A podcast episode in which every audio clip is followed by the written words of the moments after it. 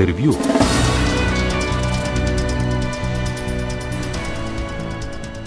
Umetna inteligenca je z letošnjim letom dokončno prepoznana kot tehnologija, ki bo brez dvoma preoblikovala svet in družbo. Najnovejši modeli generativne umetne inteligence so danes kos nalogam, ki so bile še včeraj v izključni domeni ljudi. Razvoj pa gre naglo naprej. V samem središču tega intenzivnega dogajanja deluje današnja gostja intervjuja, dr. Marinka Žitnik. Vrhunska strokovnjakinja za področje umetne inteligence je docentka na Ameriški univerzi Harvard, kjer vodi tudi svoj laboratorij, osredotoča pa se zlasti na razvoj najnaprednejših modelov za področje medicine. Pri tem sodeluje z vrsto vodilnih inštitucij in podjetij, ki razvijajo to prebojno in tehnologijo In tako je med drugim delovanje že vsem dobro opoznanega Chat GPT-ja lahko preverila že mnogo prej, preden je prvi široko dostopni veliki jezikovni model prišel na trg in nemudoma osupnil v svet. Zdaj jo v prvi vrsti zaposluje vprašanje, kako v to vrstne modele integrirati tudi konkretno preverljivo znanje in na to z njihovo pomočjo ustvarjati novo. Nova zdravila denimo in nasplošno odkrivati nove poti, nove možnosti pri naslavljanju najrazličnejših problemov. Seveda pa visoko zmogljiva tehnologija prinaša tudi resna tveganja in pred nas postavlja vrsto zahtevnih vprašanj. Marinko Žitnik sem pred mikrofon povabila Nina Slaček. Doktorica Marinka Žitnik, lepo pozdravljeni. Lepo zdrav, sem zelo vesela, da sem danes z vami tukaj. Pozno poletje vas je pripeljalo domov v Slovenijo. Oddih se prileže takole doma? Ja, oddih se zagotovo prileže, sedaj že skoraj leto in pol, odkar sem bila zadnjič v Sloveniji, sem zelo vesela, da, da sem si lahko otrgala nekaj dni in obiskala svoje domače tukaj v Sloveniji. Sicer je vaš urnik verjetno zelo poln? Ja, urnik je precej poln z veliko zanimivimi projekti, z veliko zanimivimi dejavnostmi, ampak um, smo, sem zelo zadovoljna no, z vsem, tako da čeprav je urnik poln, to, ni, to ni, ni, ni težko. Predavate in raziskujete na Harvardu, na Harvard Medical School, kjer ste docentka na oddelku za biomedicinsko informatiko in tudi vodite svoj laboratorij za umetno inteligenco v medicini in znanosti. To so vsekakor že samo po sebi odlični uspehi. Čestitke za tako dobro raziskovalno kariero. Ja, najlepša hvala. Se mi zdi, da to so rezultat velik trdega dela, pa tudi zelo močne, dobre podpore mojih mentorjev in sodelavcev družine skozi, skozi uh, več let, da smo prišli do tega uspeha. Vsekakor je področje umetne inteligence tisto, ki ga zelo, zelo dobro poznate, pa domnevam, da je bilo morda zadnje leto še prav posebej intenzivno. Umetna inteligenca je z letošnjim letom nekako postala resnično vroča tema, ki je tako rekoč vsem na jeziku. Veliki jezikovni modeli, kot je vsem dobro poznani chat GPT in drugi še bolj izpopolnjeni veliki jezikovni modeli so zelo nazorno in v praktično vsem razumljivem naravnem jeziku pokazali, eh, česa so zmožna ta orodja in pravzaprav so kar temeljito presenetili tudi številne poznavalce področja, kakšen je bil vaš odziv. Prva srečanja uh, s temi novimi orodji, konec koncev vseeno tehnologijo poznate, spremljate ta razvoj. Ja, torej v zadnjem letu smo bili priča temu precejšnjemu preskoku v zmogljivosti algoritmov umetne inteligence. Zdaj, samo umetna inteligenca in strojno učenje um, s podarkom na globokem učenju v zadnjem desetletju je. Um, bilo zelo uspešno. Eh, veliko primer, uspešnih primerov uporabe smo, smo zasledili na področju biologije, medicine, znanosti, drugih področjih človekovega delovanja. Zdaj v zadnjem eh, letu, letu in pol pa so res določena, določena skupina modelov um, umetne inteligence zelo napredovala v njihovih zmogljivostih um, in dosegla neko stopno zmogljivosti, ko postajajo ti modeli zelo zanimivi in uporabni za raznovrstne naloge v smislu izdelave vem, um, klepetalnikov, s katerimi se lahko vsakdo pogovarja v naravnem jeziku o, o mnogoterih temah, ki niso vnaprej predpisane, do možnosti nekako avtonomnega, semi-avtonomnega um, odločanja gradnje modelov, priprave napovedi, ki so ti algoritmi sedaj možni. Tako da, ko se je, ko se je vse to začelo, ko se je vse to odvijalo in smo, sem bila zelo, zelo navdušena in zelo vesela tudi v moji raziskovalni skupini, veliko delamo uh, s to vrstnimi modeli, razvijamo nove modele, razmišljamo o tem, kako, kakšne probleme nam lahko pomagajo rešiti v biologiji, medicini še posebej. Um, in se zdi, da so se res odprla neka velike možnosti, velike nove priložnosti, um, tudi nekaj tveganj in izzivov, o katerih moramo razmisliti, ampak zdaj jaz splošno sem zelo pozitivno naravnana nad, nad to novim razredom modelov in pa kaj nam še obeta prihodnost, ko postajajo ti modeli še bolj zmogljivi. Pa je bil kakšen konkreten trenutek, ko vas je odgovor torej teh novih modelov, tisto, kar vam je ponudil, še prav posebej presenetil, nekaj, kar morda je bilo onkraj tega, kar bi pričakovali? Ja, to je zelo dobro vprašanje. Pravzaprav res, um, v, v tistem tednu, ko je chat GPT model bil tudi um, uradno um, oznanjen in že, že nekaj, pred, pred, nekaj mesecev predtem sem, je moja raziskovalna skupina sodelovala z skupino v OpenAI, ki, ki razvija ta model in smo v bistvu testirali model na problemih iz medicine za diagnostiko ljudi. Um, in me je res zelo presenetal, kako model, ki ni nikoli bil na, naučen, na treniran, bazirani na podatkih z področja medicinske diagnostike, ko smo predstavili nekega pacijenta, ki sicer ne obstaja, šlo je za sintetične podatke in ga vprašali eh, ta model, eh, kakšna bi bila diagnoza za tega pacijenta, ko smo mu podali seznam simptomov, rezultatov laboratorijskih raziskav, ki naj bi jih ta pacijent imel. In je, in je model um, v bistvu uganil pravilno diagnozo. Sicer potem, ko smo podali nekaj več primerov pa teh navideznih umetnih virtualnih pacijentov, se je tudi zmotil. Ne? Ampak takrat je bilo tako začutiti, da, da, da, da v bistvu so te zmožnosti, o katerih smo mogoče bolj abstraktno eh, pisali v znanstvenih člankih že kar nekaj let pred, pred ChatGPT-jem, um, so se res realizirale na način, ki nam omogoča, da zdaj razmisli, razmi, začnemo bolj konkretno razmišljati o vsakdanji uporabi umetne inteligence v biologiji in medicini.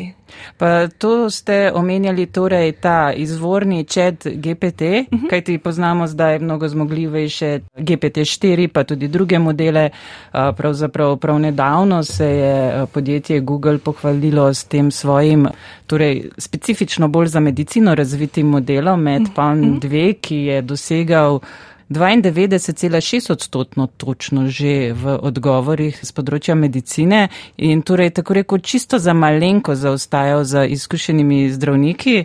Um, zdi se, da smo res eh, prestopili na neko novo področje, kjer pravzaprav kljub določenim pomakljivostim in pa s tem se je zgodil nek preskok. Kako vi gledate na, na, na te ja, to, eh, stvari? Ja, če mogoče podam nek kontekst. Ne? Zdaj, eh, ChatGPT je eden izmed modelov, uh, mogoče je najbolj popularen v, v neki splošni javnosti, predvsem zato, ker je tudi njegova uporaba, razširjenost um, zelo hitro rasla. Um, mislim, da v, v tem prostoru je dostopen. Prosto je tudi dostopen. Um, obstaja veliko drugih modelov, Google ima model BART in potem pa različico tega modela za medicinske probleme, ki se imenuje MedPalm in pred nekaj tedni oznanjen tudi multimodalni uh, MedPalm, ki lahko v bistvu omogoča, da posameznik se v naravnem jeziku pogovarja, lahko pa tudi um, z tem modelom, lahko pa tudi s tem modelom deli slike, fotografije, posnetke in v bistvu ta uh, različne vrste podatkov, ki jih je model sposoben analizirati sočasno, da je točnost odgovora čim višja. Zdaj, to, to česar se dotaknili, se nanaša vprašanja, kako oceniti zmogljivost teh modelov. In eh, zdaj, tukaj smo še v zelo začetni fazi razvoja. Eden izmed pomembnih pristopov za ocenjevanje teh modelov na področju medicine v, v Ameriki je bil, da je bil sledeč. Raziskovalci so kar vzeli seznam vprašanj, ki so izpitna vprašanja, ki jih morajo zdravniki upraviti z, eh, kot njihov doktorski um, izpit eh, in potem tudi verzijo vprašanj za različne specializacije, ki so v bistvu del nekega strokovnega izpita, ki ga morajo doktori upraviti, eh, človeški doktori, za, da postanejo uh, zdravniki. Zdravniki in lahko upravljajo to zdravniško delo. In so raziskovalci vzeli ta vprašanja in v bistvu so odločili, kaj pa če ta vprašanja uporabimo kar za model in model MedPalm vprašamo, če lahko odgovori na ta vprašanja, na katera bi zdravniki morali tudi znati odgovoriti.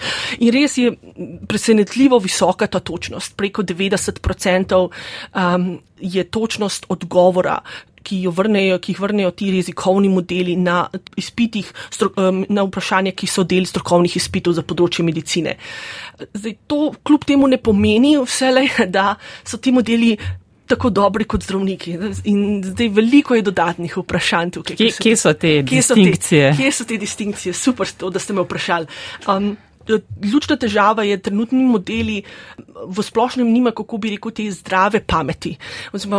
To pomeni neko splošno razumevanje situacije. Torej so zelo dobri specialisti, zelo dobro in globoko lahko poznajo z neko osko področje delovanja.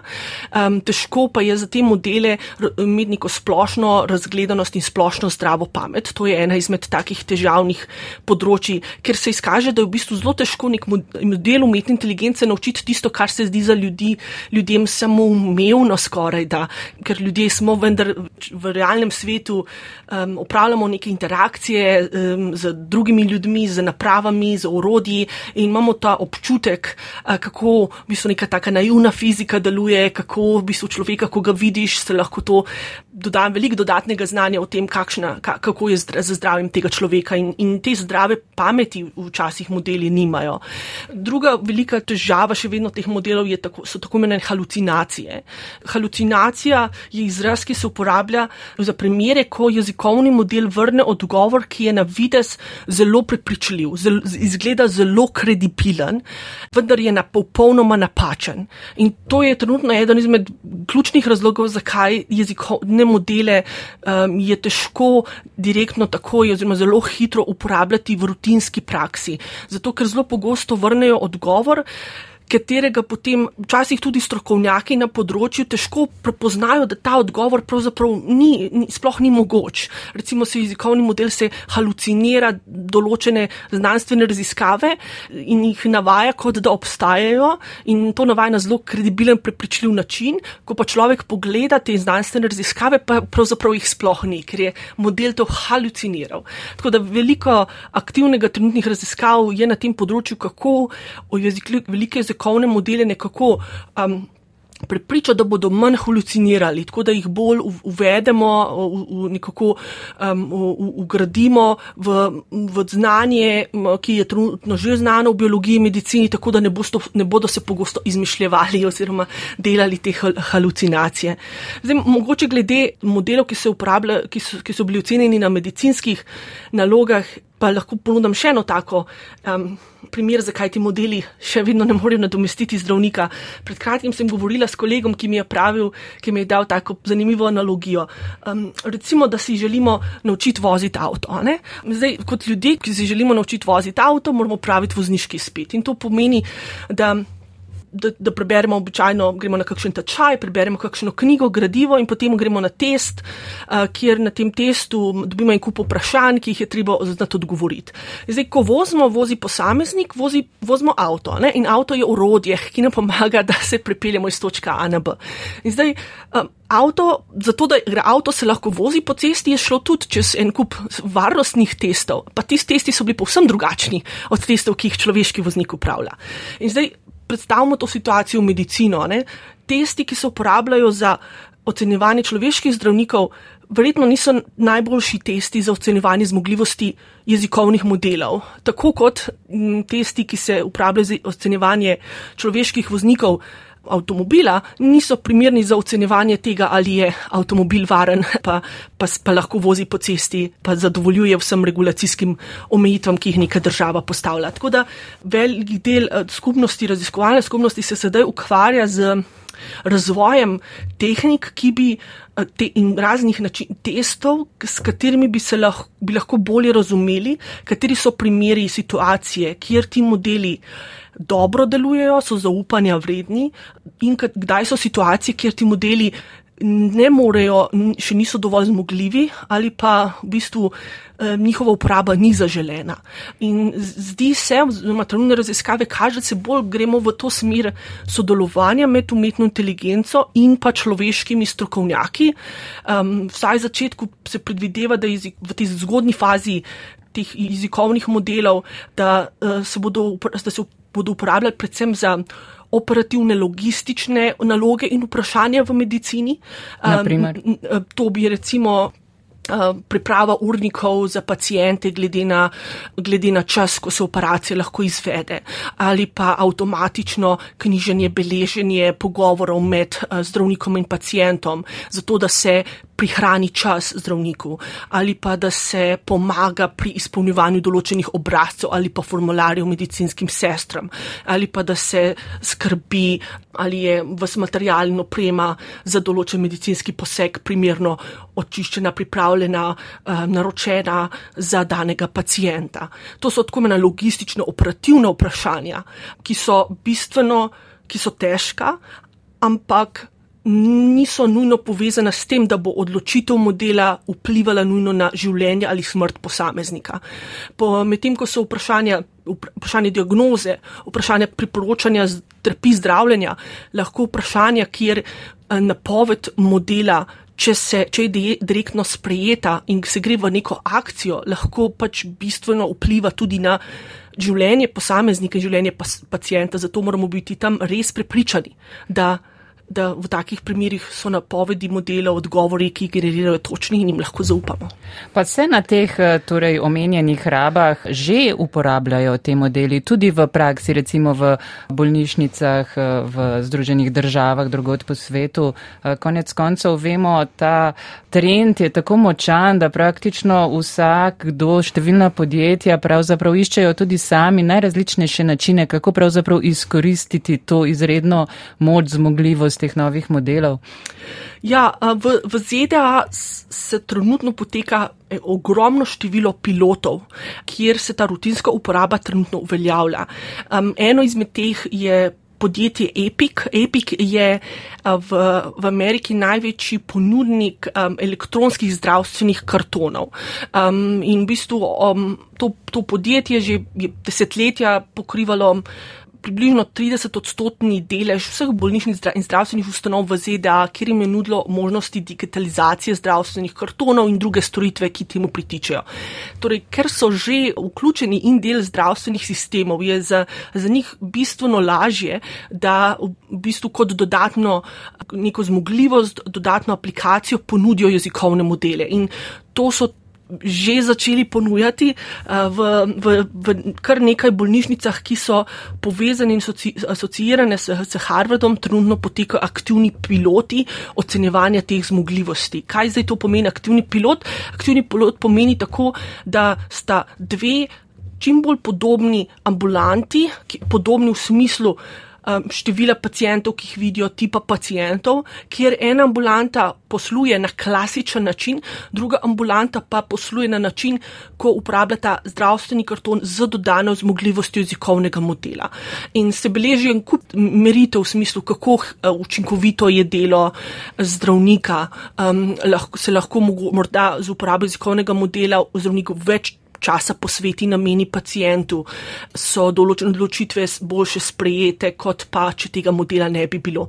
In se v bistvu ta eksperiment teče nekaj, nekaj tednov, potem se pa primirjajo rezultati obeh, na obeh ambulantih v smislu zadovoljstva zaposlenih tam, zadovoljstva pacijentov, storitvami in potem tudi končnega zdravstvenega učinka teh, na teh pacijentov. In, um, to je trenutno ta, to vrstni piloti so vsaj na Harvardu trenutno precej pogosti, kjer se, kjer se v razne primere uporabe jezikovnih modelov zdaj že aktivno ocenjuje, uvaja v vsakdanjo medicinsko prakso.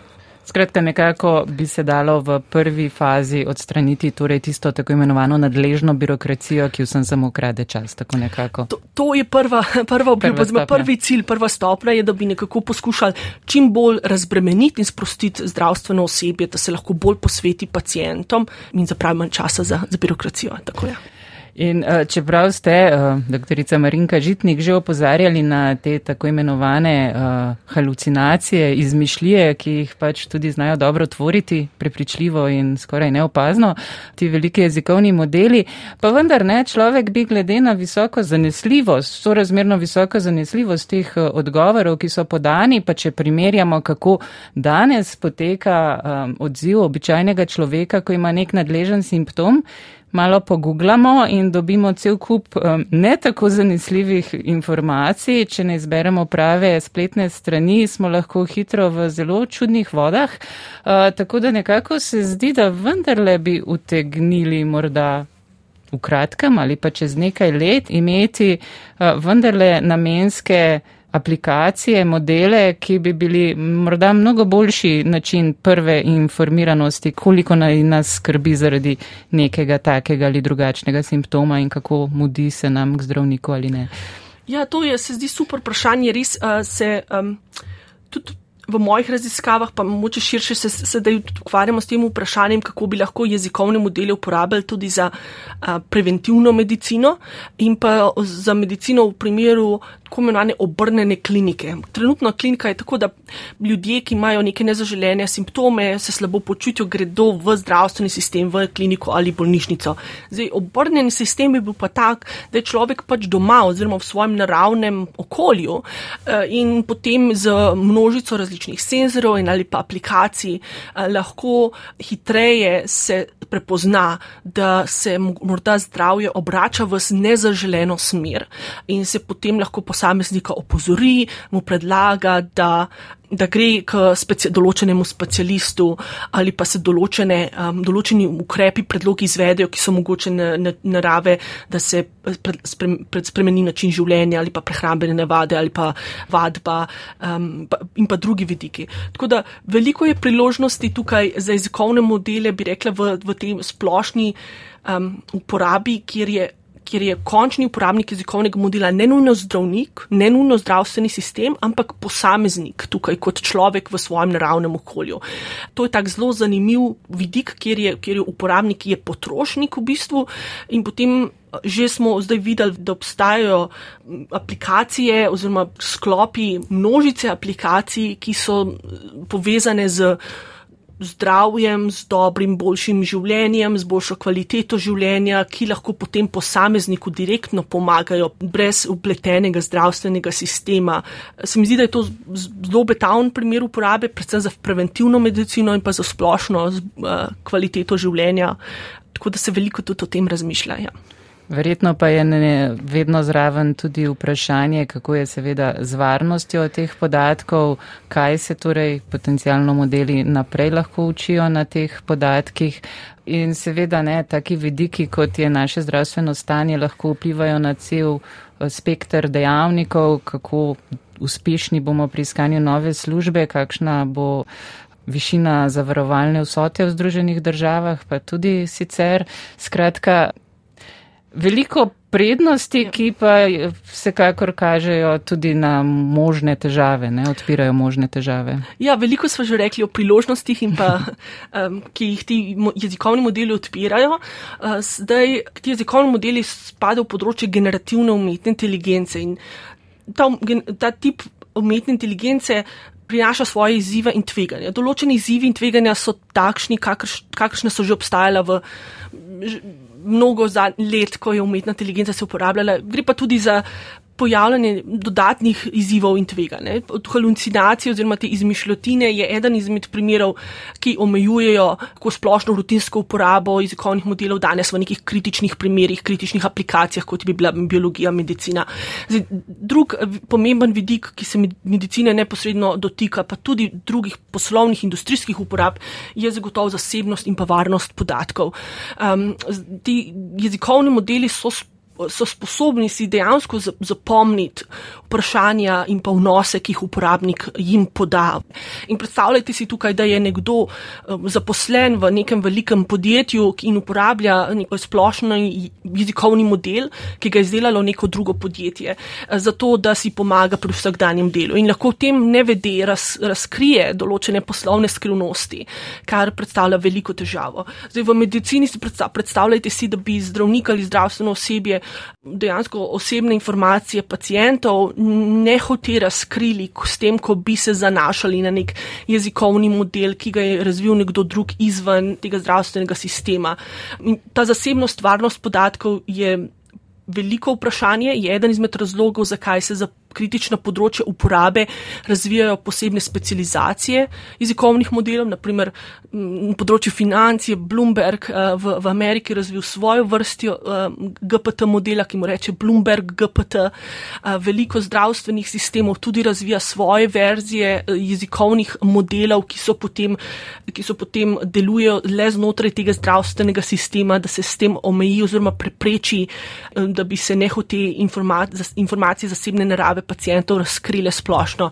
Tudi to vprašanje zasebnosti, varnosti podatkov je mogoče bolj kritično v primeru velikih jezikovnih modelov kot druge standardne umetne inteligence, predvsem, ker se ti modeli lahko zapomnijo povsem neposredno, kaj so bili vprašani, kaj so odgovorili in potem lahko kasneje nekdo te podatke prebere oziroma izlušči iz jezikovnega modela in to seveda ima ne, veliko nezaželenih posledic eh, lahko potegne za seboj. Zdaj, še en tak primer, trenuten, predvsej pomemben problem se nanaša na avtorske pravice. Um, vprašanje teh avtorskih pravic je mogoče manj kritično za področje medicine, je izredno pomembno za področje kreativnih znanosti oziroma kreativnih ved. Um, gre pa za to vprašanje, kako te, te jezikovne modele sploh razvijamo. Ne? Mi dva smo veliko govorili o uporabi, ampak kako jih pa zgradimo. In zgradimo jih tako, da, da se mora zbrati ogromno, ogromno količino podatkov, čim bolj kvalitetnih, uh, ki potem, na katerih se modeli, ti modeli učijo. In učijo se na ta način, da poskušajo, napove, da, da, poskušajo da vidijo neko, neko, neko zaporedje besed ali, in potem poskušajo uganiti, katera je naslednja beseda, ki bo temu zaporedju besed sledila. Tako imenovani autocomplete. In da to se lahko naučijo, je dobro imeti zelo veliko kvalitetnega besedila.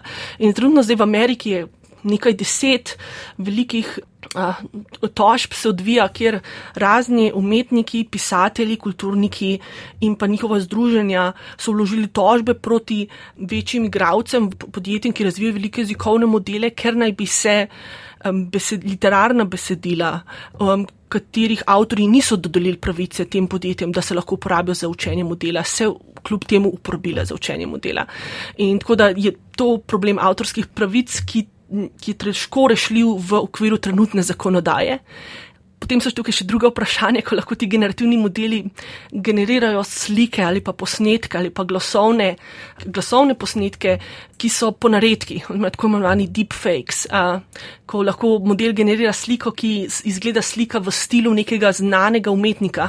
A, ta umetnik pa ni sodeloval v kreaciji te slike oziroma tega, tega dela, ki ga je jeziko, ta mod, veliki model generiral. In zopet je vprašanje, kdo je lasnik tega, kako so. A, kako, kako je možno, da je pač nek stil umetnika se prenesel na, na jezikovni model, če umetnik se s tem ne strinja. Tako da vprašanje avtorskih pravic je zelo pomembno, trenutno še nerešeno.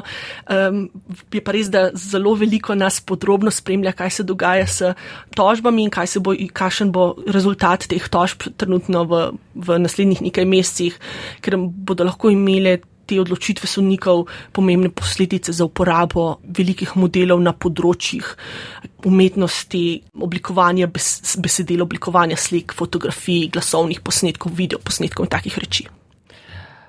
Ampak vendarle ne, prav ta zmožnost, ta generativni vidik, ki se toliko krat uh, pokaže ja. v prav osupljivih različicah naj zastavimo kakšno zelo kompleksno vprašanje specifičnega področja, naj pravzaprav želimo neko fotografijo, ki je izredno um, skoraj realistična. Seveda je treba sodelovati in dati prava navodila, prave pozive, ampak uh, vendarle ta vidik, ne, kako vi, uh, doktorica Marinka Žitnik, gledate na to sposobnost pravzaprav določene kreativnosti teh modelov, da, čeprav pač naučeni na podatkih in posnemajoč eh, videne vzorce, vendarle lahko zelo kreativno zapolnijo neke praznine in včasih si tudi kaj zelo prepričljivo izmislijo.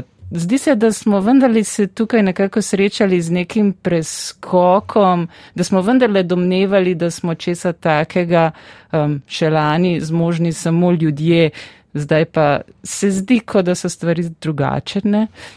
Ja, veliko je vprašanj in uh, diskusij na to temo um, Turingovih testov oziroma Turingovega testa, ki je in različic Turingovega testa, ampak tudi Turingov test v osnovi je, je test, ki naj bi ga upravil algoritem umetne inteligence, kjer naj bi se človek pogovarjal z bodi si človekom, bodi si z algoritmom umetne inteligence. In če v bistvu ne moreš kot človek razločiti, kdo je sogovornik na drugi strani, v tem primeru uh, bi, bi lahko rekli, da je ta algoritem umetne inteligence zelo sposoben, ker si dejansko kot sogovornik ne moreš prepoznati, ali gre za algoritem ali gre za dejanskega človeške, človeškega sogovornika. Zdaj, veliko različic tega Turingovega testa in um, obstaja. Um, je pa tukaj zagotovo res tako, kot ste rekli, da je ta preskok v zmogljivosti modelov res impresiven.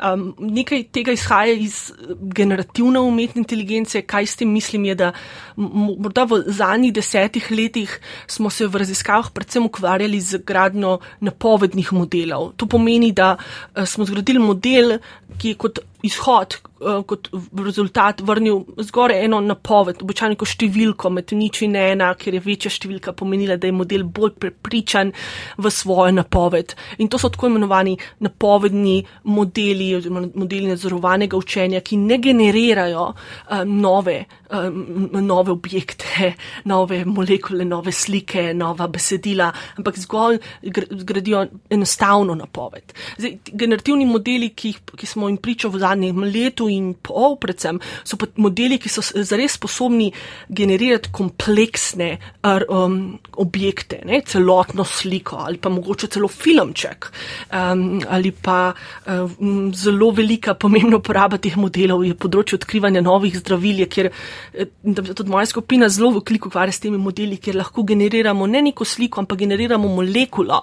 ki bi, ki, ki bolj verjetna, da postane zdravila ali pa ima določene pomembne učinke. In, in to kar naenkrat pomeni, da je izhod teh modelov zelo kompleksen, kompleksne narave. In, in kaj je možno, da ti modeli so sposobni to narediti? Zdaj, zato je potrebno zgraditi izredno, izredno velike modele. Kaj, to pomeni? To so modeli, s katerimi trenutno delamo, so, to, so modeli, ki imajo desetine milijard. Parametrov. To pomeni, vsak parameter je tako, kot si predstavljate, da je to nek, um, nek vrste ventil, ki ga lahko uravnavamo.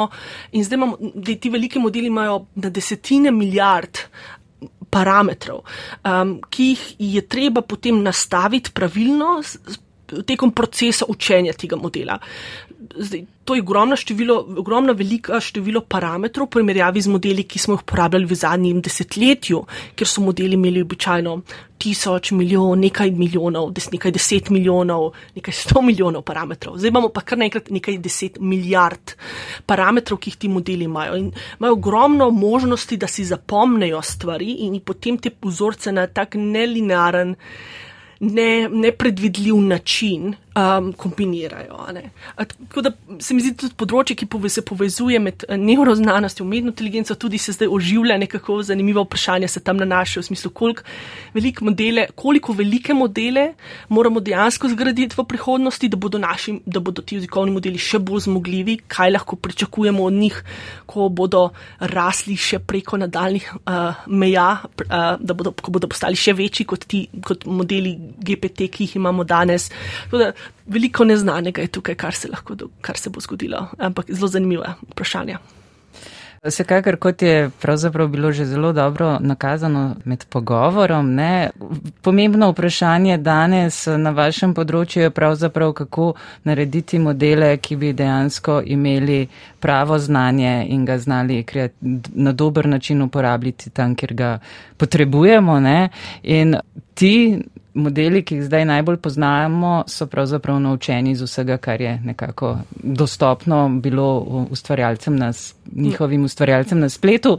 Nekaj drugega pa je, ko recimo želite imeti model, ki resnično obvlada medicino, pozna vse bolezni, pozna vse možne zdravila in vse, kar se lahko tukaj eh, zgodi. Ne? In s tem se Marinka Žitnik tudi sami veliko ukvarjate. Kako zahtevno je pravzaprav prelivanje torej nekega konkretnega znanja, kako integrirati pravzaprav to znanje, ki obstaja v vseh možnih molekulah, interakcijah, bioloških mehanizmih, ki so znani v pač model, ki bi dejansko lahko um, generiral neka nova, nova spoznanja glede tega, kaj so torej najučinkovitejša nova zdravila možna, kaj se pravzaprav morda v telesu dogaja pri neki bolezni, ko gre recimo za bolezni, ki jih še ne poznamo dobro.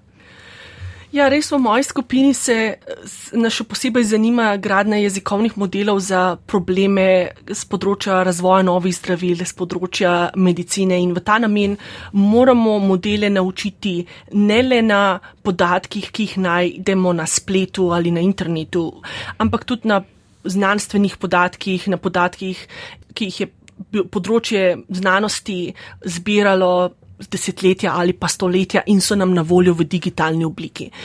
In prvo pomembni korak razvoju modelov za ta področja znanosti in medicine je ta, da moramo zbrati velike količine podatkov v računalniku razumljivi obliki. To pomeni, da smo veliko dela upravili v skupini in tudi širše v raziskovalni skupnosti, da smo zbrali podatke z vseh trenutnih eh, zdravil, ki so odobrena na ameriškem in evropskem trgu, za vsa kemikalije, ki so v področju in ki še niso zdravila, ampak so v katerikoli fazi prekliničnih ali pa kliničnih raziskav, in pa tudi za sto tisoče molekul, ki so um, jih uh, kemiki in biokemiki sposobni sintetizirati v laboratoriju in še niso jasno, če tiste molekule imajo kakšno zanimivo uporabo, bodi si zdrav, kot zdravilo, bodi si kot novi materijali, bodi si kot za agrikulturo in tako naprej. Zdaj, ko imamo take velike zbrane podatke, potem moramo razmisliti, kako, kako, razmisliti, kako lahko uh, naučimo jezikovne modele na takih podatkih in kaj je bistveni problem. Bistveni problem je izhaja iz tega, da kot Iza skriva ime, veliki jezikovni modeli so bili prvotno razviti za jezik, torej naravni jezik, prvotno za angliščino, čeprav ti modeli sedaj podpirajo na stotine jezikov in, in dobro delujejo, kadar imamo podatke, ki so zaporedja nekih besed oziroma žetonov, ampak predstavljajte si zaporedja besed in imamo zelo veliko takih podatkov, ker so zelo dolge sekvence zaporedja besed. Te besede so prvotno bile besede naravnega jezika. Zdaj, Podatki v znanosti in medicini niso nujno taki. Um, in v bistvu eno izmed spoznanj je, da lahko tudi na področju biologije gledamo na, na zaporedja nukleotidov ali pa aminokislin na genomu ali pa aminokislin v beljakovinah in proteinih gledamo lahko kot na neke vrste besedilo, kjer um, jezik ni jezik dan z uh, slovarjem angliških ali pa slovenskih besed, ampak je jezik je zaporedje teh osnovnih elementov življenja, um, aminokislin ali pa nukleotidov. In pravzaprav mote, potem gradimo veliko jezikovne modele, ampak ne na naravnem jeziku, ampak na jeziku biologije, na jeziku življenja. In To je zelo zanimivo, zato ker, ko take modele zgradimo, lahko kar naenkrat vprašamo model, ali nam lahko zgradi neko zaporedje aminokislin, ki bi predstavljali peptid oziroma protein, ki bi imel določene lasnosti, ki si jih želimo, da se pozdravi bolezen. In model generira take sekvence, take zaporedje aminokislin, um, ki se potem lahko direktno prevedejo v laboratorijske raziskave. Zdaj, v enem izmed projektov, ki jih imam trenutno v svojem laboratoriju, skupaj z eh, sodelavci, kemiki z MIT-a, delamo na tako imenovanem avtonomnem laboratoriju oziroma popolnoma avtomatiziranem laboratoriju, kjer moja skupina razvija jezikovne modele, ki so naučeni na zaporedju aminokislin za približno 200 tisoč proteinov, um, potem pa lahko model, ko je ta naučen, uh, model vprašamo, uh, da, da generira nove zaporedja aminokislin, ki pa jih sodelavci, ki so biokemiki in so zgradili tako printer kemikali lahko ta uh, zaporedja, ki jih generativna umetna inteligenca tukaj gene, uh, proizvede, prevedejo takoj v njihov printer, kjer dejansko kemikalijo natisnejo oziroma jo proizvedejo v fizični obliki. Ni več samo nek virtualni zapis in izhod jezikovnega modela, ampak je dejansko kemikalija. In v bistvu to, to pomeni to je zelo zanimivo, zato ker omogoča, da v bistvu lahko določene procese v znanosti bistveno pospešimo, jih naredimo bolj rutinske, tako da se potem človeški znanstveniki bolj ukvarjajo z vprašanjem upravljanja. Uh, um, algoritmov umetne inteligence, pozivanja algoritmov umetne inteligence, gradnje teh algoritmov in pa integracije z fizično laboratorijsko opremo, z znanstveno opremo, um, zato da se gradi neke avtonomne laboratorijske sisteme, ki lahko v bistvu bistveno hitreje gradijo. Hipoteze, uh, testirajo te hipoteze v obliki kemikalij, da se najdejo tiste, ki imajo najbolj želene dobre učinke za nadaljne delo, um, če je to proizvodna novega zdravila, naprimer.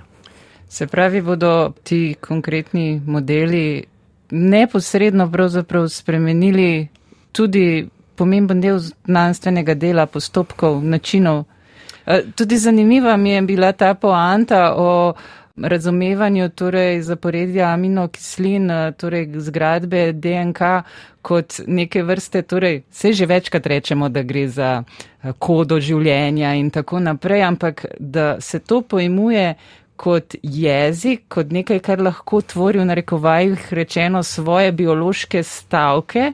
Zdi se mi zelo zanimiv vpliv neke nove tehnologije na to, kako razumevamo nekaj, kar pravzaprav v biologiji in medicini poznamo že dolgo, zdaj pa nenadoma um, sem, saj jaz prvič slišala nek čist nov način opisa, torej um, pa tudi se mi zdi pojmovanja, kako torej jemati nek, uh, neko aminokislino kot besedo, ki ima lahko različne različnih stavkih popolnoma različno funkcijo, pomen, um, implikacije.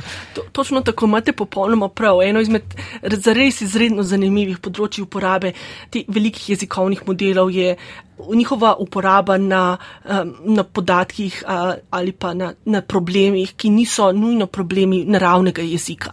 In, in v biologiji je ta problem oziroma priložnost uporabe jezikovnih modelov na, na zaporedjih oziroma na kodi življenja, na zaporedju aminokislin, na zaporedju nukleotidov, če delamo v genomu, iz, izredno zanimiv in pre, prvi rezultati kažejo, da se možno na povsem nenadzorovan način, ne da bi algoritmu nekako povedali vnaprej, kakšne so. Um, kakšne so lasnosti posameznikom ali pa vzorci, uh, ki, so, ki nakazujejo določeno bolezensko stanje ali pa ki nakazujejo določeno biološki proces, da lahko ta, te vzorce algoritem najde povsem sam, če ima priložnost se učiti na ogromni količini podatkov.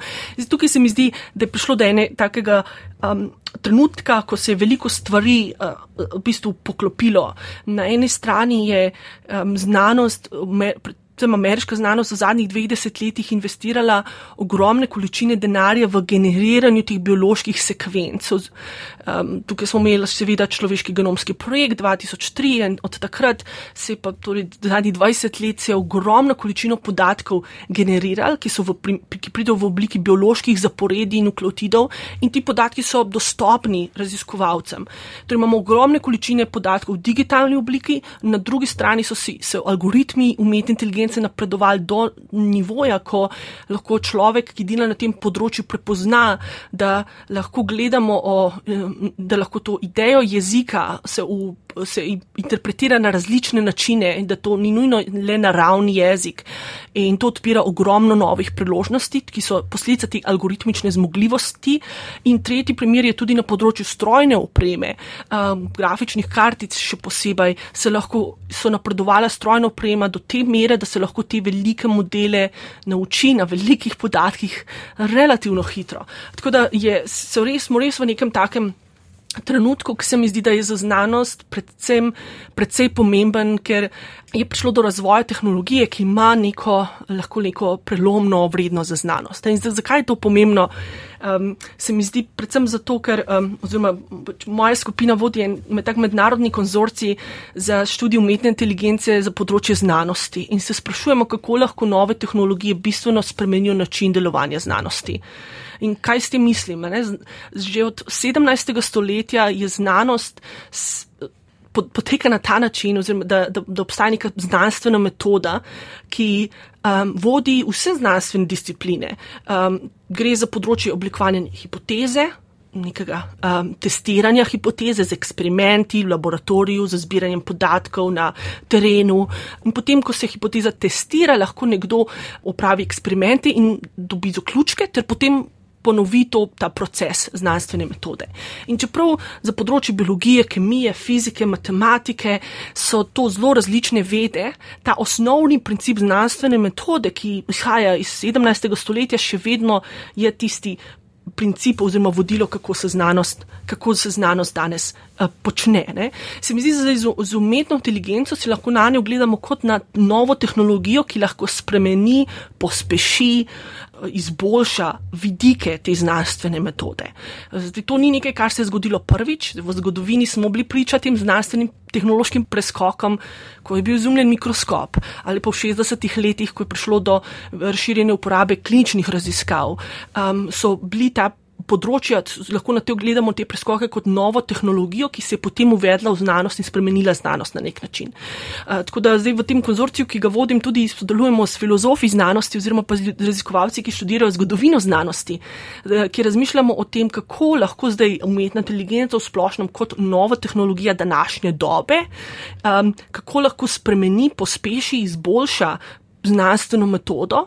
In zdaj, s tem, ko se vprašamo, sprašujemo taka temeljna vprašanja, naslavljamo ne le eno področje, naprimer biologijo, medicino, ampak v področje vseh, vseh ved, ki znanstveno metodo uporabljajo. In je zelo zanimivo, kako pravzaprav o podobnih problemih, o podobnih algoritmih razmišlja biolog in kemik in fizik, čeprav so, se ukvarja s povsem različnimi vprašanji, ker so algoritmi umetne inteligence razviti splošno, niso vnaprej omejeni na nek konkreten primer uporabe in zato v bistvu lahko se uporabljajo na mnogo različnih vedah eh, in v bistvu tudi problemi, ki iz njih izhajajo in izzivi, so potem tudi taki, da ko jih lahko, rešimo te izzive, lahko v bistvu rešimo veliko problemov na zelo različnih vedah.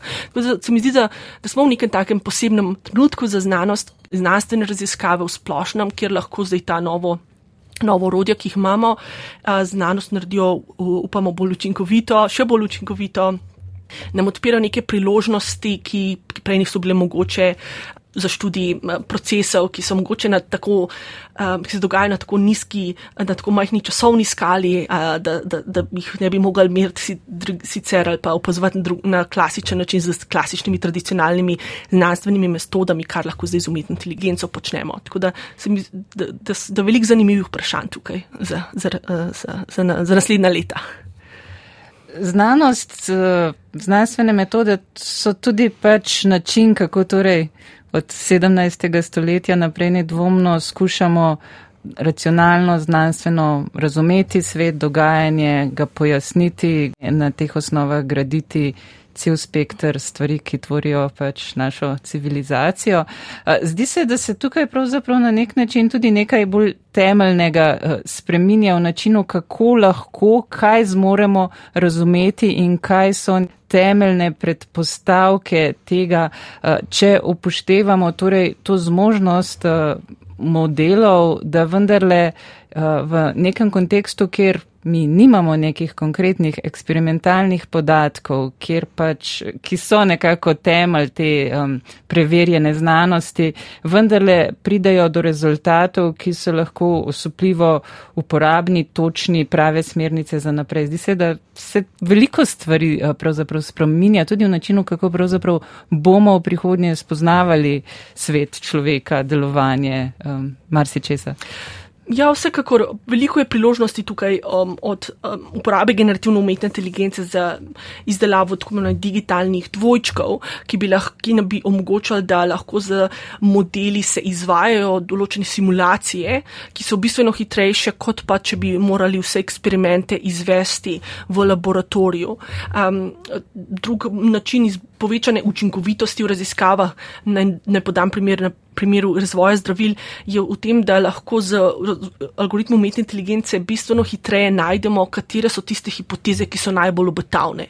Zdaj, konkreten primer bi bil tak, da število kemikalij, tako imenovanih majhnih molekul, ki obstajajo v vesolju, je 10 na 60. To predstavljate si 1 pa 60 ničel. In to je tako gromozanska astronomska številka, da je nemogoče, da bi lahko kadarkoli pričakovali, da bi lahko enostavno kar šli od ene do druge kemikalije in vsako testirali v laboratoriju in preverjali, ali se dobro obnese oziroma ima določene lasnosti, ki to kemikalijo naredijo primerno, obetavno za zdravilo, za nov material, mogoče za uh, kakšno drugo uporabo. To pač enostavno ni mogoče. In algoritmi umetne inteligence so tukaj sposobni ta velik prostor hipotez preiskati hitreje, najti tiste eh, žepe oziroma regije, področja teh hipotez oziroma množice kemikalij, ki so bolj verjetno, da imajo določene zaželene lastnosti in v bistvu lahko v tem smislu vodijo, usmerjajo določeno delo, ki ga raziskovalci upravljajo, lahko pa tudi vodijo smeri določene eksperimente.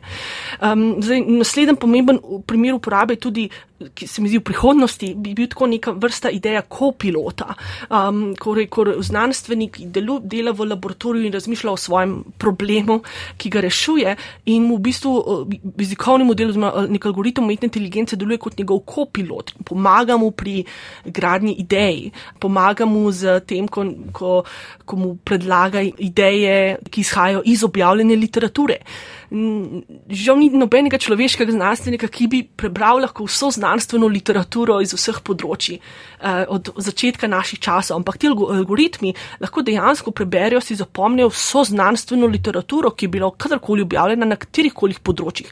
In predstavljajte si, da imate potem nekakega, nekaj takega zelo močnega kopilota, pomočnika, ki lahko potem z znanstvenikom kreše ideje, ki lahko mogoče, ko znanstvenik postavi neko hipotezo, najde, katere so obstoječe raziskave, ki kažejo, da ta hipoteza ne, najbrž ne bo uspešna ali pa mogoče, da bo zelo uspešna. In, in v bistvu ti, take, ta ideja pomočnikov, ki lahko pomagajo pri razvoju novih hipotez, idej, predvsem na take ideje, ki so nepredvidljive, ki jih mogoče človek ne bi. Um, Našel na enostaven način, ki mogoče zahteva poznav, poznavanje večjih disciplin hkrati.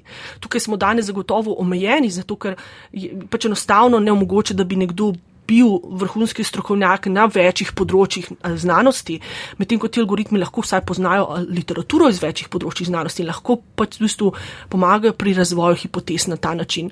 Um, tako da je veliko priložnosti, se mi zdi, za znanost na, na vseh. Uh, segmentih, na, v vseh korakih znanstvene metode, o katerih smo prej govorili, da se ta znanstvena metoda postane morda bolj učinkovita, da lahko se v bistvu, v bistvu znanost še pospeši. In znanost kot, uh, ko bi rekla, temelj razvoja človeštva v nekem smislu, se mi zdi, da lahko s tem napredkom znanosti se potem s časoma veliko, veliko dobrega zgodi tudi za, za, za splošno, za, za vsakdanjega človeka. Uh, moram vprašati, bomo ljudje torej še kos to vrstnim modelom, ki bodo imeli znanja z vseh področji in jih bodo nekega dne ne mara znali plodno integrirati v hipoteze, možno pot raziskav. Um, Skratka, kje tukaj človek najde v, v novem kontekstu svojo mesto za kreativno, ustvarjalno življenje, ki ga nujno rabimo? Ja, trenutni modeli so taki, da so. Um, da, da so zmogljivi na, na način, ki ne bi rekla, da ne ogrožajo znanstvenikov, pa predvsem so lahko izredno dobri pomočniki za, za njihovo znanstveno delo. Zdaj, mogoče na dolgi rok se mi zdi, da ti pomočniki bodo postali vse bolj zmogljivi, kar je. Odlično, da se nekako rutinska znanstvena laboratorijske raziskave morda lahko delno avtomatizira, zato da se znanstveniki bolj osredotočajo raziskovalci na, na vprašanja, ki so pomembna za, za družbo, za človeštvo, na kako predstavitvi teh vprašanj v, v znanstvene oblike, v, v znanstvene termine, znanstvene vprašanja, da lahko potem v bistvu se osredotočijo bolj na upravljanje umetne inteligence, na, na njeno nadzorovanje, na, na, na, na gradno pravih pozivov za te kopiloti in pomočnike, ki lahko potem opravljajo določeno rutinsko delo je pa pač v temelju še vedno tisto vprašanje prebliskov, ki vodijo znanost, ki v bistvu znanost potiskajo naprej in ti prebliski, uh, ki se potem, ko nekdo spozna, da lahko nek znanstveni problem se reši z neko, z neko metodo, z nekim pristopom, nekim algoritmom ali pa z neko napravo, so še vedno v domeni človeka in verjetno bo tako še kar, še kar nekaj časa. Se mi zdi pa, da tako kot druga področja človekovega delovanja, mi dva smo se osredotočili predvsem na medicino, pa znanost, so, gre, trenutno govorimo predvsem o izboljšanju učinkovitosti, o, izboljšanju partnerstva med človekom in umetno inteligenco v smislu, da lahko se eh, ta rutinska dela prevzame določeni algoritmi, eh, ko so primerno povezani z robotiko, kar je še zelo, zelo velik, eh, veliko vprašanje in težav za rešiti tam na tem področju. Tako da to je tisti del, ki se meni zdi predvsem obetaven za naslednjih nekaj let. Vsekakor se tukaj marsikaj zanimivega odpira, ampak vedno, kadar pravzaprav smo se kot družba srečali z neko um, prebojno novo tehnologijo, je ta prinesla seboj tudi zelo um, daljnosežne družbene posledice. In tukaj se zdi, da pač je res ključno, da pravzaprav znamo tako močno pravzaprav tehnologijo tudi pripeljati v nas razživljenje na nek pameten način. Ne? Sicer se zdi, da ni nujno, da bo dobro sprejeta in tudi posledice glede marsikaterih eh, delovnih mest, načina dela konec koncev. Eh, vse to, kar ste povedali, nekako se zdi, da se bomo morali vsi bolj ali manj več posvečati umetni inteligenci kot v preteklosti, če bomo želeli približno um, razumeti parametre dela um, in družbe tu. Ja, vsekakor je temu tako in smo pravzaprav še, že sedaj priča določenim spremembam v, v širši skupnosti. Zdaj na področju znanosti, kaj to pomeni? To pomeni, da se v, v ZDA, naprimer, se uvaja veliko novih področji študija, ki se nanašajo na uporabo umetne inteligence v določenih disciplinah. Povsem običajno je sedaj, da, je, da so predmeti z področja umetne inteligence, napredne podatkovne analize, del predmetnikov za študijske programe izven področja računalništva. In to je zelo pomembno, ker je potrebno pravzaprav um, vzgojiti nove generacije vrhunskih strokovnjakov, ki so sposobni razumeti načelno, kako um, umetna inteligenca kot tehnologija deluje in potem jo uporabljati na produktiven način. Zdaj, poleg teh sprememb v razvoju, um, v izobraževanju, so seveda tudi pomembne druge spremembe, ki se nanašajo v zaposlovanju, spremembe, ki se nanašajo tudi na partnerstva med univerzami, med industrijo in gospodarstvom, kjer se določeni veliki jezikovni modeli razvijajo. In to pomeni, da je potrebno razmišljati o veliko bližnjem povezovanju med visokošolskimi ustanovami, univerzami, industrijo um, in pa drugimi deležniki, ter tudi vlado na vseh nivojih, od lokalne do, držav, do državne oziroma zvezne uh, vlade. Torej, te nova partnerstva um, in spremenjeni izobraževalni sistemi uh, pravzaprav kažejo na način, kako se lahko znanost kot neke vrste družbeni, uh, kot en vidik družbe, pravzaprav spreminja. In se mi zdi, da to je. Da ta podobne spremembe, do podobnih sprememb bo najverjetneje prišlo in že prihaja tudi na drugih področjih človekovega delovanja. Um, na področju, um, na področju novinarstva, na področju oblikovanja besedila in pa grafičnega oblikovanja. Um, in v bistvu zelo pomembno se mi zdi, da so strokovnjaki iz teh področji vključeni, aktivno vključeni v razvoj in uporabo naprednih tehnik umetne, umetne inteligence na njihovem področju. To se mi zdi bistveno in izredno pomembno. Zdaj, v ta namen se v ZDA oblikujejo različne cehovska, um, cehovska združenja oziroma skupine, ki razmišljajo o tem, kako lahko se na varen uh, način uvede uh, ali pa uporablja umetno inteligenco na nekem področju, naprimer na novinarstvu ali pa na področju oblikovanja grafik ali pa na področju snemanja filmov in filmske industrije. Um, se mi zdi, da bi, bi bilo dobro od takšnih, um, ne, ne, lahko, ne, to niso nujno regulacije, ampak v bistvu neki primeri dobre prakse, priložnosti in izzivi. Uh, za dano področje, razmi, razmisl, razmišljati tudi v Sloveniji, oziroma razmišljati tudi na različnih področjih, ki gredo izven znanosti in medicine, ker, je, v bistvu ključno je, da oziroma temelji so algoritmi umetne inteligence razviti na način, da so splošno uporabni. In če so splošno uporabni, so torej uporabni na vsakem področju, kjer imamo dejansko zbrane digitalne podatke. Eh, zato, ker trenutna generacija algoritmov se razvija na način, da, da, da porabijo za svoj razvoj in obstoj veliko količino zbranih podatkov. Torej, če delujete na vedah ali pa na področjih, kjer take podatki obstajajo, potem je velika verjetnost, da s časoma, slejko prej, bo umetna inteligenca dosegla tisto področje. Tako da se mi zdi, da je dobro razmisliti, kaj so priložnosti, kako se lahko umetna inteligenca na varen, primeren način izvede v, v vzgajanje novih strokovnjakov z danega področja, razmišljati o primerni izobrazbi, tako da so ljudje sposobni v bistvu uporabljati umetno inteligenco v dobro svojega dela. Um, in pa v končni fazi, da pač so ti strokovnjaki z tega danega področja vključeni aktivno v upeljavo umetne inteligence. Da tukaj ne gre zgolj za neko zunanjo tretjo osebo ali neko profitno podjetje, ki bo na svoj način, na svoje razumevanje poskušala uvesti nekaj, nekaj, implementirati neko tehnologijo, ampak da so tukaj v, ta, v te pogovore vključeni strokovnjaki z tega področja, ker ti vedo najbolje, katere so trenutne priložnosti, kjer bi lahko delno eh, pomoč umetni inteligenci bila zaželena, bila dobra, bila koristna in kateri so primeri uporabe, ki morda so taki, da ne bi bili zanimivi ali pa so trenutno pretežki ali pa so kakšni drugi razlogi, zakaj se umetna inteligenca tam ne more uporabljati. Malo se vračate nazaj v Združene države Amerike na Harvard, Marinka Žitnik. Kaj vas čaka, če se morda v jeseni najbolj veselite, kakšen aktualen projekt, ki vam je morda ljubši malenkost od drugih? Ja, torej, vračam se na Harvard že čez nekaj dni.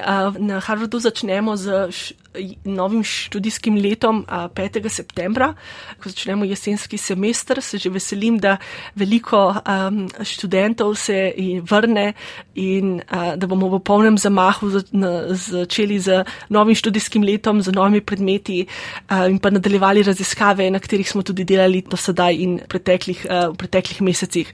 Uh, veliko projektov je takih, ki se mi zdijo izredno zanimivi, ki katerih sem izredno navdušena, mogoče nekaj, če jih omenim. Um, eden izmed zelo pomembnih projektov za mojo skupino je, so projekti, ki se nanašajo na bolj učinkovito odkrivanje novih terapij zdravljenja. Uh, tukaj vzpostavljamo eno večje partnerstvo z. Um, z Markom Zuckerbergom in njegovo tudi fundacijo, kjer bomo, smo začeli razvijati algoritme umetne inteligence, ki, lahko, ki lahko priporočajo terapije zdravljenja za področje, um, ki obsega vse do sedaj znane človeške bolezni, uh, vključujoč redke bolezni, ki jih je več kot 7000. To so bolezni, ki načeloma posamično prizadanjajo relativno majhno število pacijentov, ampak teh bolezni je izjemno veliko, tako da letno preko 300 do 400 milijonov ljudi um, trpi zaradi takih bolezni. Um, ker so majhne populacije pacijentov, ki za njimi trpijo, je relativno majhen interes farmacevtske industrije, da bi razvijala učinkovita zdravila za, za te bolezni. Tako da si z umetno inteligenco prizadevamo, da bomo v bistvu zgradili velike modele, ki nam omogočajo gradnjo napovedi in priporočanja zdravil, ki bi jih lahko. Um, Repozicionirali, ki bi bila potencijalno učinkovita za več kot 17 tisoč eh, klinično prepoznanih bolezni, eh, potem pa imamo sodelavci, biologi in pa klinične raziskovalce, ki bodo paralelno izvajali več kliničnih raziskav hkrati, uh, da bi ocenili vrednost teh napovedi, ki bodo naši algoritmi proizvedli. Tako da to se mi zdi en super, super zanimiv projekt, ki je predstavljal en kup izzivov, ki so povsem tehnične, algoritmične narave, zato sem zelo vesela, da delam super študenti z področja računalništva, matematike, pa tudi potem uh, izzivi, ki izhajajo iz biologije in kemije, odkudar od, od, tudi imam študente, ki pomagajo in vodijo te raziskave to je eden, kar mi je, kar mi je tak zelo zanimiv projekt. Um, imamo tudi take, take zelo odbite projekte, bi rekla. Uh, trenutno sodelujem z NASO na, na projektu, kjer nas pa zanima, kako lahko dolgotrajni poleti, človeški, človeški poleti v vesolju vplivajo na človeško telo. Um, to, to, zakaj je to vprašanje pomembno? Ker je zelo malo vesolskih poletov bilo takih, z izjemo poleta na Luno in pa še nekaj drugih poletov, kjer, človeška, kjer je človeška posadka šla izven nizkozemeljske orbite orbite, uh, ki dosega tam do 400 km in je človeška posadka tam ostala dalj časa. In pravzaprav ne vemo, se, kako vpliva mikrogravitacija, sevanje na človeka in človeško telo, če ostane v vesolju za zelo dolgo. In to je nekaj, kar je potrebno vedeti in razumeti veliko bolje, če se podpira misije na, na Mars ali pa globje v, v vesolje. Tako da z nas, moja skupina, sodeluje na ta način, da smo. Uh, so naši sodelavci za nas eh, poslali eno množico majhnih opic na mednarodno vesolsko postajo in tam spremljali njihovo delo oziroma življenje in gibanje in fiziološke podatke zbirali preko en kup senzorjev eh, in, potem, in tudi kamer in te podatke potem prenesli k nam z namenom razumevanja, kako se stanje, zdravstveno stanje teh primatov spreminja skozi čas, ko so na mednarodni vesolski postaji. In potem to primerjamo z opicami primati, ki pa so ostale v Kennedyjevem vesolskem centru na Zemlji, tako da lahko vidimo, katere so te razlike, ki kažejo na vesolske stresorje, mikrogravitacijo, ki potem spreminja um, obnašanje molekul v, v, v človeškem telesu. Tako da to, tudi taka, take projekte, ki so nekako um, meni izredno zanimive in nikdar si nisem pričakovala, da kako se bo v bistvu ta področje vesolske biologije mene dotaknilo. Ampak se mi zdi, da so tudi taki projekti zelo zanimivi, da se motivira in pa tako študente in pa tudi, da v bistvu razmišljamo o, o primerih um, uporabe umetne inteligence na področjih, ki še pred kratkim nismo o njih razmišljali. No, nedvomno vam dela in zanimivih raziskav ne bo zmanjkalo. Um, se priporočam za pogovor še kdaj v prihodnje, pa najlepša hvala za obisk uh, tu na Radio Slovenija. Um, želim vam prijeten dopust in potem uspešno naprej. Pa um, hvala za pogovor, docentka dr. Marinka Žitnik. Najlepša hvala za povabilo. Intervju. Intervju.